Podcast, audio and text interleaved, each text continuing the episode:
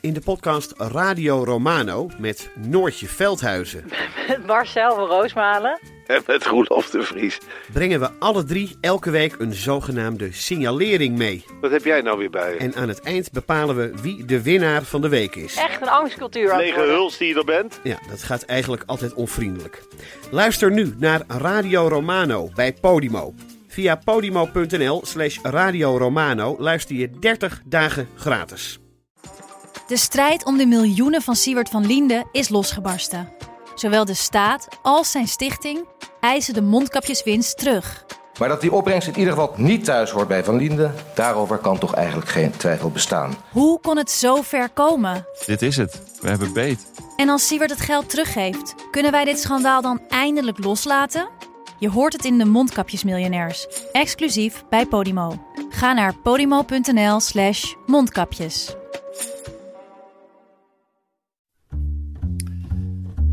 Hallo, dit is de wekelijkse podcast van de Groene Amsterdammer. Ik ben Kees van der Bos. De druk van de onzekerheid snoert zich strak om je hoofd en geeft zo'n druk op de hersenen dat het niet te dragen is. Dat is een uitspraak van Abdallah Arian. Spreek ik dat goed uit, Frederike? Ja, lijkt me. Oké. Een van de twee mensen aan het hoofd van het bureau dat gaat over de reconstructie van Raqqa.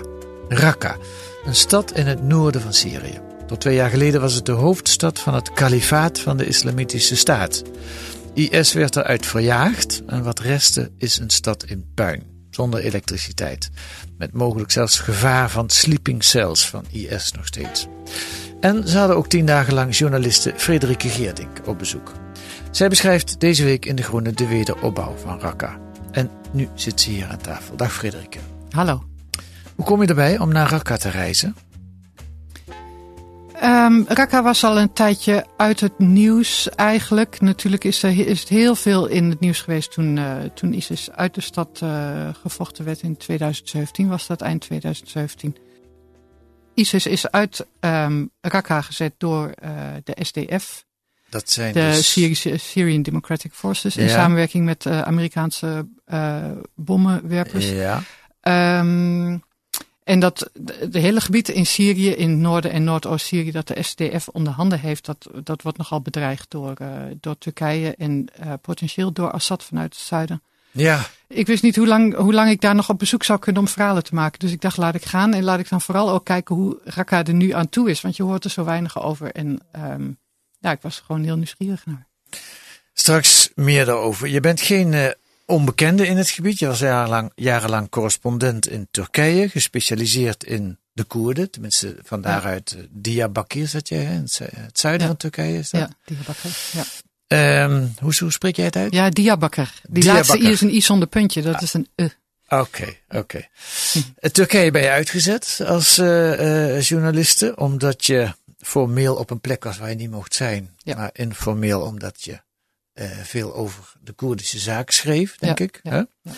Wat is nu jouw standplaats eigenlijk? Nu eh Suleimania, dat is de tweede stad in eh Koerdistan in Irak. Ah, dus je bent van Turkije naar Irak verhuisd. Ja, Koerdistan is voor de Koerden is het heel vervelend dat hun land is opgedeeld over vier staten. Maar voor Ja. mij was het wel handig. Ik kan nog steeds in Koerdistan wonen.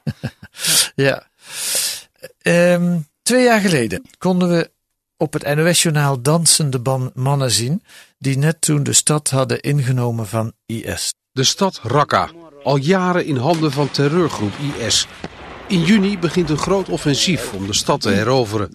Na maanden van hevige gevechten en bombardementen boeken Koerdische en Arabische milities succes met steun van de Amerikanen.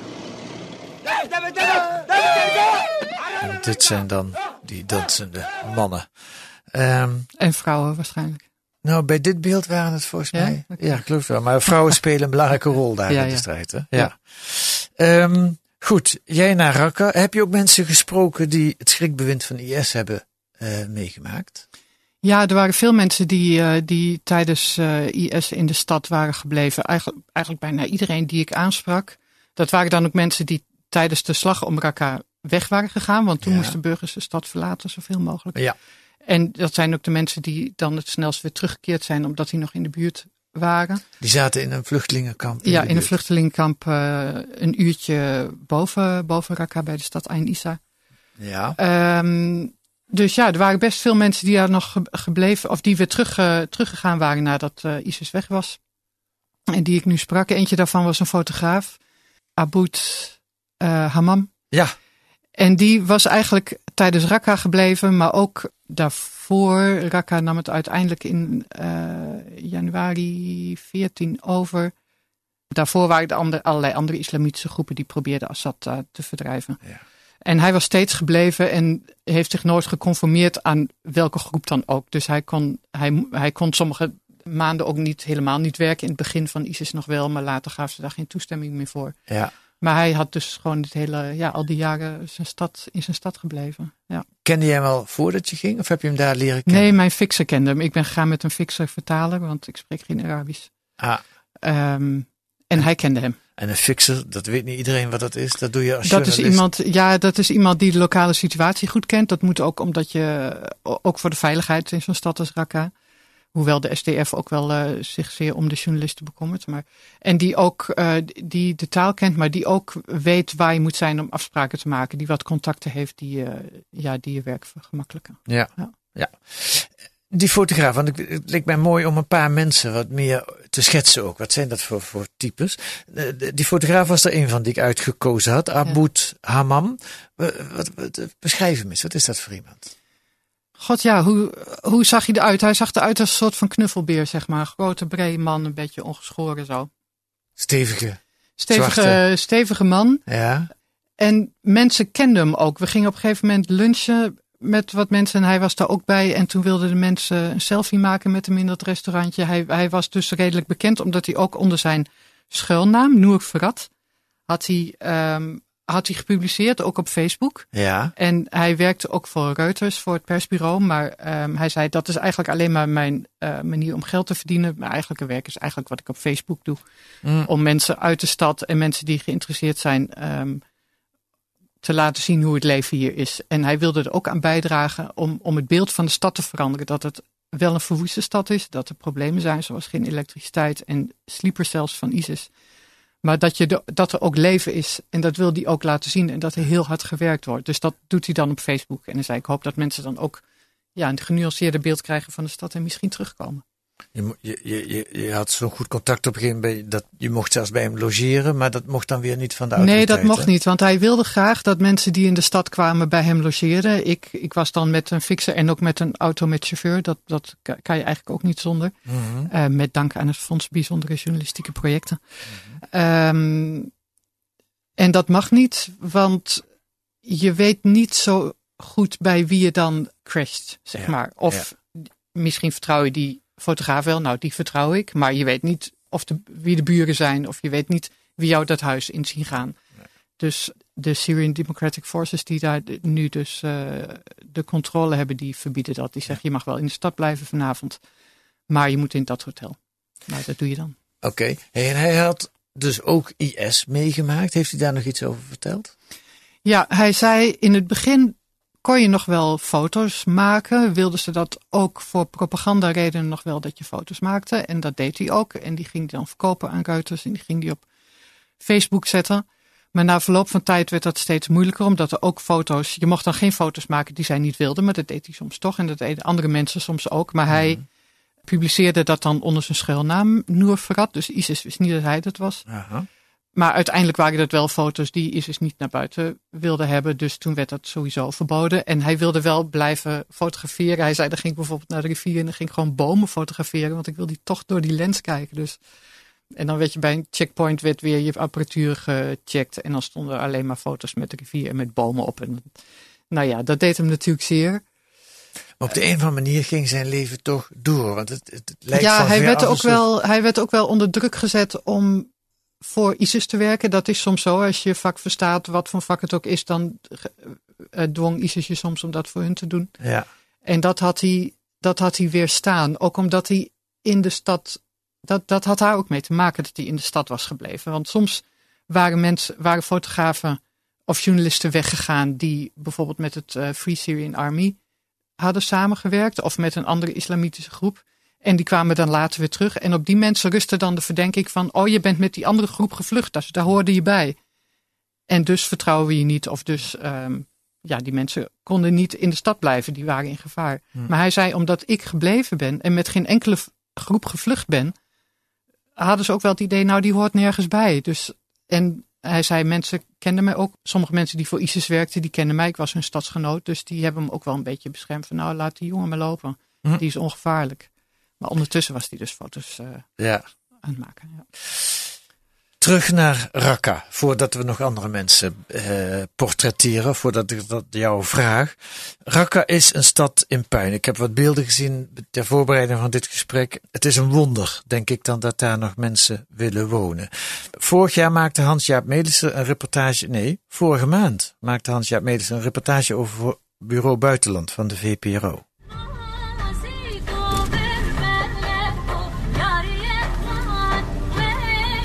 Nou, we rijden Raqqa binnen. Ik ben hier een eh, tijd niet geweest, ruim anderhalf jaar niet. Ik was hier bij de inname van de stad, de, de, de feestviering toen. Een compleet lege stad op de strijders na die de stad hadden ingenomen. Dat is die militie, de SDF-militie, geleid door Koerden. En nu ziet de stad er nog steeds zwaar verwoest uit. Overal kapotte gebouwen die je aanstaren. En ja, er zijn inwoners teruggekeerd. Er zijn winkeltjes open. Ehm, ik zie hier zelfs hele vrolijke ballen hangen. Een soort kinderspeelgoedwinkel. En, maar het is wel onder een gebouw dat voor de rest is ingezakt. Maar daaronder wordt dan gewoon verder geleefd. Raqqa is een merkwaardige stad om te zien. Is het een merkwaardige stad om te zien, Ja, Frederik? dat zegt hij zeer treffend. Ja, absoluut. Ja, als je de eerste keer binnenkomt. Ja. Ik was nog nooit in de stad geweest. Wel in 2017. Ik ben voor mijn eh, eh, vorige boek ehm, ben ik eh, met, met de Koerdische troepen geweest een jaar lang. En toen ben ik aan het front geweest. Toen een uur boven Raqqa. En verder kon ik toen nog niet, want ze waren nog met die bezig om ISIS uit de stad te drijven. Ja. Dus ik was nog niet eerder in de stad geweest. Maar inderdaad, het is heel surrealistisch wat hij ook zegt met al die kleuren. Want tijdens ISIS was, mocht er gewoon niet zoveel kleur zijn. Ook de uithangborden van winkels bijvoorbeeld, die moesten zwart-wit zijn. En nu waren die ook allemaal eh, vernietigd. Maar de nieuwe uithangborden, het lijkt wel of mensen het erom doen om ze echt stuurstokroos te maken. Knalgeel. En om, om die kleur weer terug te brengen in de stad. En dan zie je de onderste verdieping, daar beginnen mensen dan weer in handel. En de tweede, derde, vierde verdieping, dat zijn ja, halve muren. ehm, ja, nog steeds helemaal kapot. Dus het is een grijze stad. Ja. Dat, dat viel mij op van de, de vernietiging is grijs, maar het leven is kleur. En Ja. dat, is, dat is wel mooi om te zien. Dat mensen toch alles proberen om het leven weer terug te brengen. Kleur is weer terrein aan het veroveren. Ja. Maar hoe moet ik me dat voorstellen? Hoe ga je daar nou weer terug wonen in zo'n stad? Ja, voor een deel. Dus bijvoorbeeld, er is een gebouw en dat is bijna helemaal kapot. En dan zie je toch op twee balkons zie je was hangen. Ja. Nou, dat klop je dus aan. Eh, wat doet hij hier? Hoe, waarom woont hij hier? Er waren ook vaak vluchtelingen uit Deir ez-Zor, een ander deel in Syrië, die niet naar Deir ez-Zor terug kunnen en dan daar in een appartementje gaan zitten. Maar Dus niet nou ja, er is heel weinig. Ze ja kunnen niet naar hun eigen stad kunnen niet naar hun eigen stad en gaan dan. eh, dus nu is Raqqa een soort bestemming ook voor eh ontheemden geworden. Maar die vrouw ging eigenlijk de deur niet uit, want ze had ook geen geld om iets te kopen of wat dan ook. Zo af en toe moest ze natuurlijk naar buiten om een paar dingen te kopen. Maar ze had. Er was ook niks. Er was één groentewinkeltje in de, in de buurt. Ze had geen koelkast, of ze had wel een koelkast, maar die deed het niet, want het notenaggregaat in de buurt dat le- levert niet sterk genoeg stroom om, om ehm, een koelkast te laten werken of een airconditioning. Dus ze zat met zo'n zo'n ventilator aan het plafond. Maar ja, dat heeft bij 40 plus graden ook niet zoveel zin. Dus dat, daar word je echt helemaal niet vrolijk van. Maar je hebt ook, ik ben ook in wat meer de buitenwijken Maar geweest. waarom komt zo'n vrouw daar dan toch wonen? Omdat ze ergens moet wonen. We kwamen ook mensen tegen buiten de stad, bijvoorbeeld in een, ook in een verwoest huis, waar ze alleen maar om inkijk te vermijden een stuk plastic hadden opgehangen. En eigenlijk in de open lucht een moeder met een kindje, alleen maar een moeder met een kindje. Ik dacht, dat is ook helemaal niet veilig. Ja. Maar ja, dan zit je in de stad en heb je een dak. En dat notenaggregaat, nou ja, dat geeft dan toch een peertje aan het plafond. En eh, nou ja, dat is dan net iets beter, zeg maar. Blijkbaar komen ze uit nog abominabelere omstandigheden. Ja, en, en er waren ook mensen die oorspronkelijk wel uit Raqqa komen. Dat is de meerderheid die terugkomt. Er zijn ook huizen in wat meer de buitenwijken van de stad die wat minder gebombardeerd zijn. En ik ben daar bij families thuis geweest die de tijd genomen hebben om die delen van het huis dat verwoest, die verwoest waren te, te repareren. En dan kunnen ze er weer in en ze zeggen, dit is één familie die kwam ik tegen in het vluchtelingenkamp.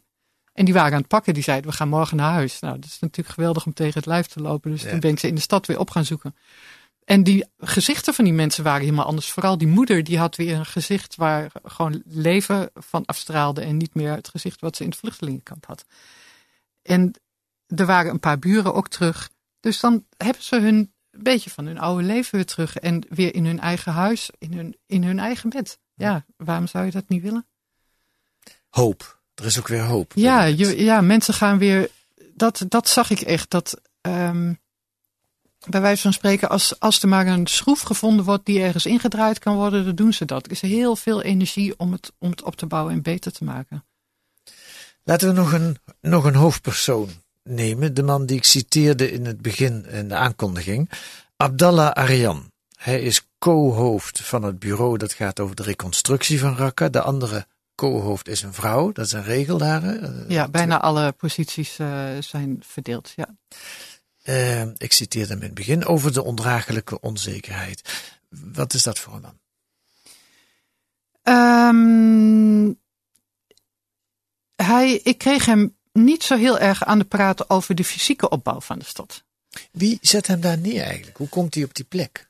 Ja, het is niet per se iemand die heel erg een achtergrond heeft in eh, stedenbouw of zo. Weet je, zo moet je dat niet voorstellen. Er zijn mensen die de schouders eronder willen zetten en die, die leren ter plekke over uh, ja, wat er moet gebeuren en hoe je dat moet doen. Er zijn natuurlijk ook wel mensen met, um, um, met een opleiding. Hè? Ik bedoel, Syrië is natuurlijk niet een land waar, uh, waar niks was of zo. Dus nee, er, zijn ook, nee. er zijn natuurlijk ook mensen die.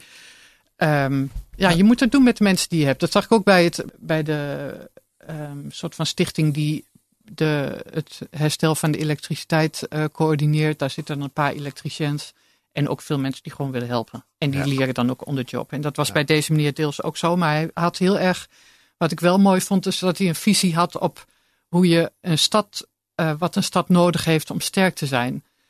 Um, dat je mensen, hij zei, we hebben zo lang in Syrië onder dictatuur geleefd, decennia lang. En en toen kwam ISIS er ook nog eens overheen. Nu moet je mensen vertrouwen gaan geven in de toekomst. En dat kan eigenlijk alleen maar als je ook zekerheid hebt. Eerst was het Assad. En toen kwamen er een paar islamitische groepen. En toen kwam ISIS de boel overnemen.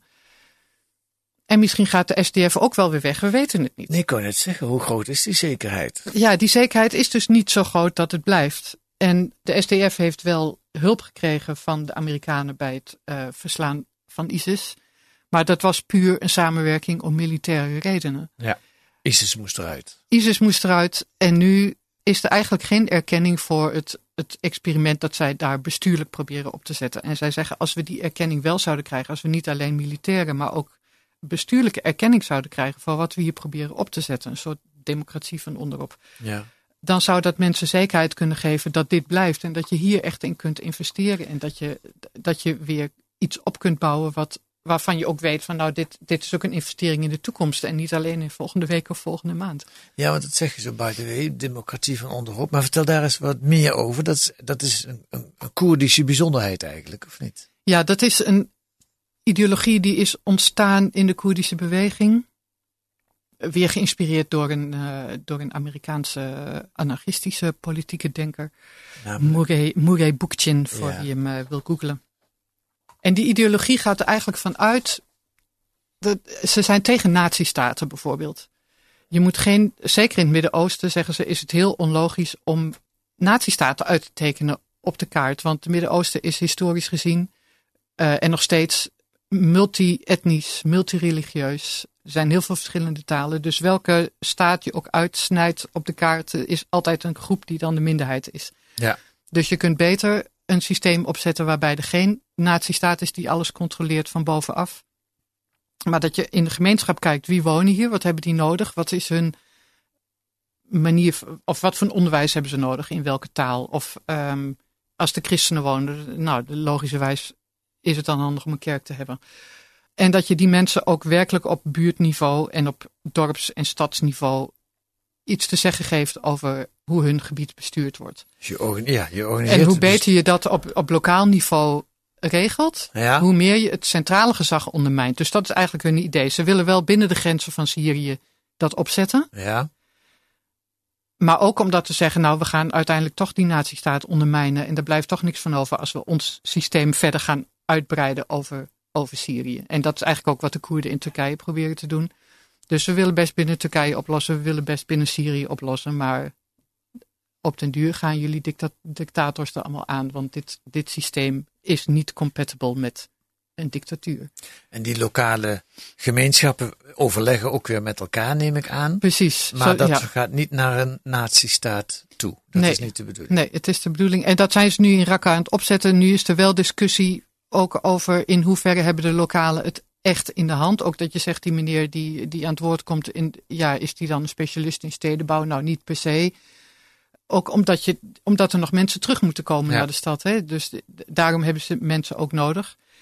Nu wordt er ook nog wel vanuit de Koerdische beweging, of vanuit, ja, de SDF is dus ook een samenwerkingsverband van eh Koerden en Arabieren en wat christelijke milities zitten daarin.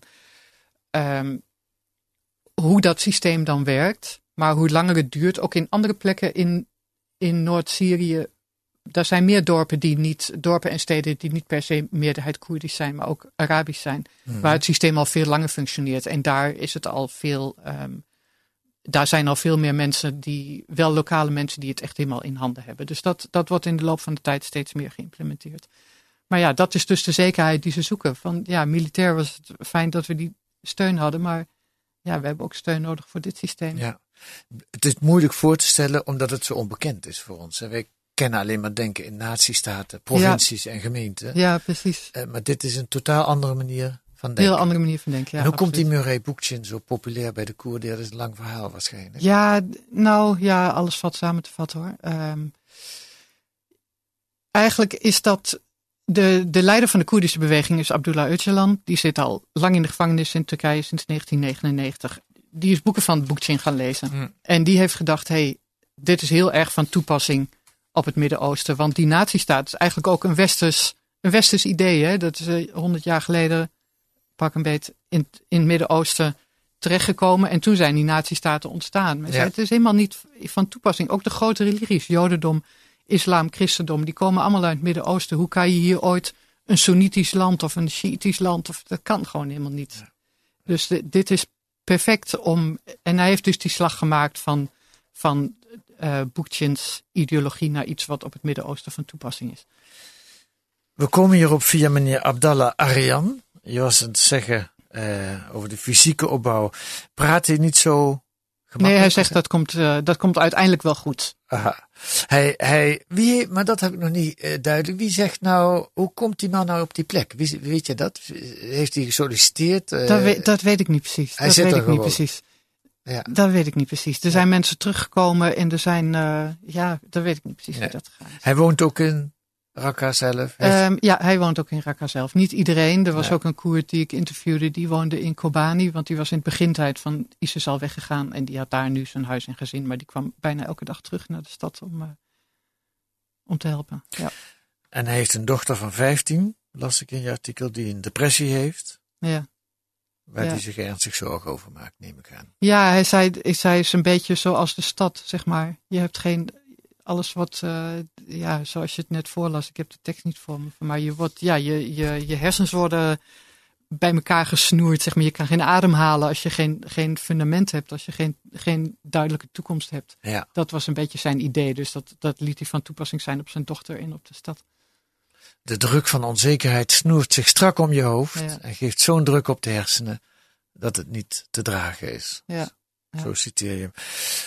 We zijn eigenlijk al op de tijd, maar ik ga toch nog even door met één meneer die ik, eh, die ik ook opvallend vond. Sheikh Al-Horam Al-Mihed. Zeg ik dat goed? Ja, mijn Arabisch is eh, non-existent, dus ik zeg gewoon ja. Nou, Fatih, jij kent ook geen Arabisch? Oké. Al-Horam Al-Mihed, hij is een sheikh, eh, leider van de Verzoeningscommissie. Wat is de Verzoeningscommissie? Ja, die, die pakken allerlei zaken op, allerlei conflicten die tussen mensen spelen. En dat kan dat kan een. Uh, ja, ik heb in mijn artikel ook de vergelijking gemaakt met de rijdende rechter. Dat Ja. is een beetje flauw, maar mensen moeten dat een beetje voor zich zien. Het kan een heel lullig conflict zijn over een conifeer. Ik kreeg wel? wel een beeld toen je dat schreef. Ja, ja. ja. Maar het kunnen ook. Het zijn nu ook vaak dingen die te maken hebben met de opvolgen, opeenvolgende eh, machten die in Raqqa gezeten hebben. En ze hadden bijvoorbeeld een kwestie van een meneer die zei: De grond die ik de afgelopen jaren heb bewerkt, dat is mijn grond. Maar zijn buurman zei: Nee, dat is mijn grond. Ik heb die alleen de afgelopen jaren niet bewerkt. Omdat ik bang was voor ISIS, voor intimidatie, voor explosieven op mijn land. Dus wegwezen weer Conflict. conflict. En dan komt ehm, de sheik en de andere mensen van die commissie en die gaan naar iedereen luisteren, ehm, roepen getuigen op en die vellen een oordeel. Uiteindelijk bleek dat die man die het land opeiste, dat hij naar regimegebied was, daar iemand had omgekocht en een eigendomsbewijs had, eh, zo had gekregen. Dat wil het regime natuurlijk wel een beetje stoken. Dus die hadden zo'n eigendomsbewijs gegeven wat niet geldig was. En daar gaf hij uiteindelijk wel toe, want de getuigen zeiden ook nee, dat land hebben wij op gewerkt voor ISIS, voor, voor die man ehm, van wie het land is. Mhm. Maar het idee waardoor het verder gaat dan zeg maar de rijdende rechter of sowieso een rechter zoals wij die kennen, is dat het probleem ook echt uit de wereld moet zijn. Als je hier een rechter hebt, dan kan hij zeggen: oké, het land is van die meneer, dat is duidelijk, die heeft een echt eigendomsbewijs. Maar dan kunnen ze nog steeds tot in lengte van dagen als buren elkaar het leven zuur maken. Maar het, het doel van deze commissies, en dat is dan geworteld in tribale tradities en wetten, van dat moet ook echt uit de wereld. Hm. Dus we gaan, de zaak is nu duidelijk, maar we gaan pas over een week uitspraak doen. En iedereen moet even nadenken over zijn rol hier. En iedereen moet tekenen. En dan teken je niet alleen voor de juridische kant van de zaak, maar ook dat het nu klaar is tussen jullie. Want we moeten nog heel lang verder met elkaar Ja. als, als tribe en als, als buren, als gemeenschap. Dus, en zo zijn er allerlei conflicten, ook op huwelijksgebied, die, die op die manier eh, ja, weer in eh, goede banen geleid worden. Ja.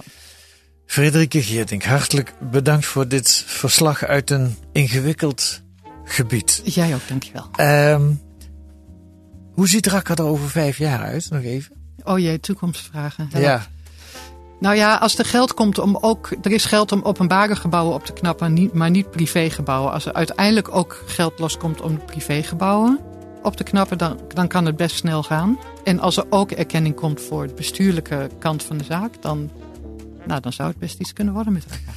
Als, als, als. We gaan het volgen. Lees eh, verder jouw verhaal deze week in De Groene. En verder deze week ook een verhaal van Chris van der Heijden over hoe van het Westen steeds vaker, steeds meer historische excuses worden geëist. En misschien is het goed om ook nog even het boek van jouw hand te noemen, wat je, het net even over had. Dit vuur dooft nooit. Vorig jaar uitgekomen bij het Spectrum. Het is een verslag van een jaar leven bij de BKK.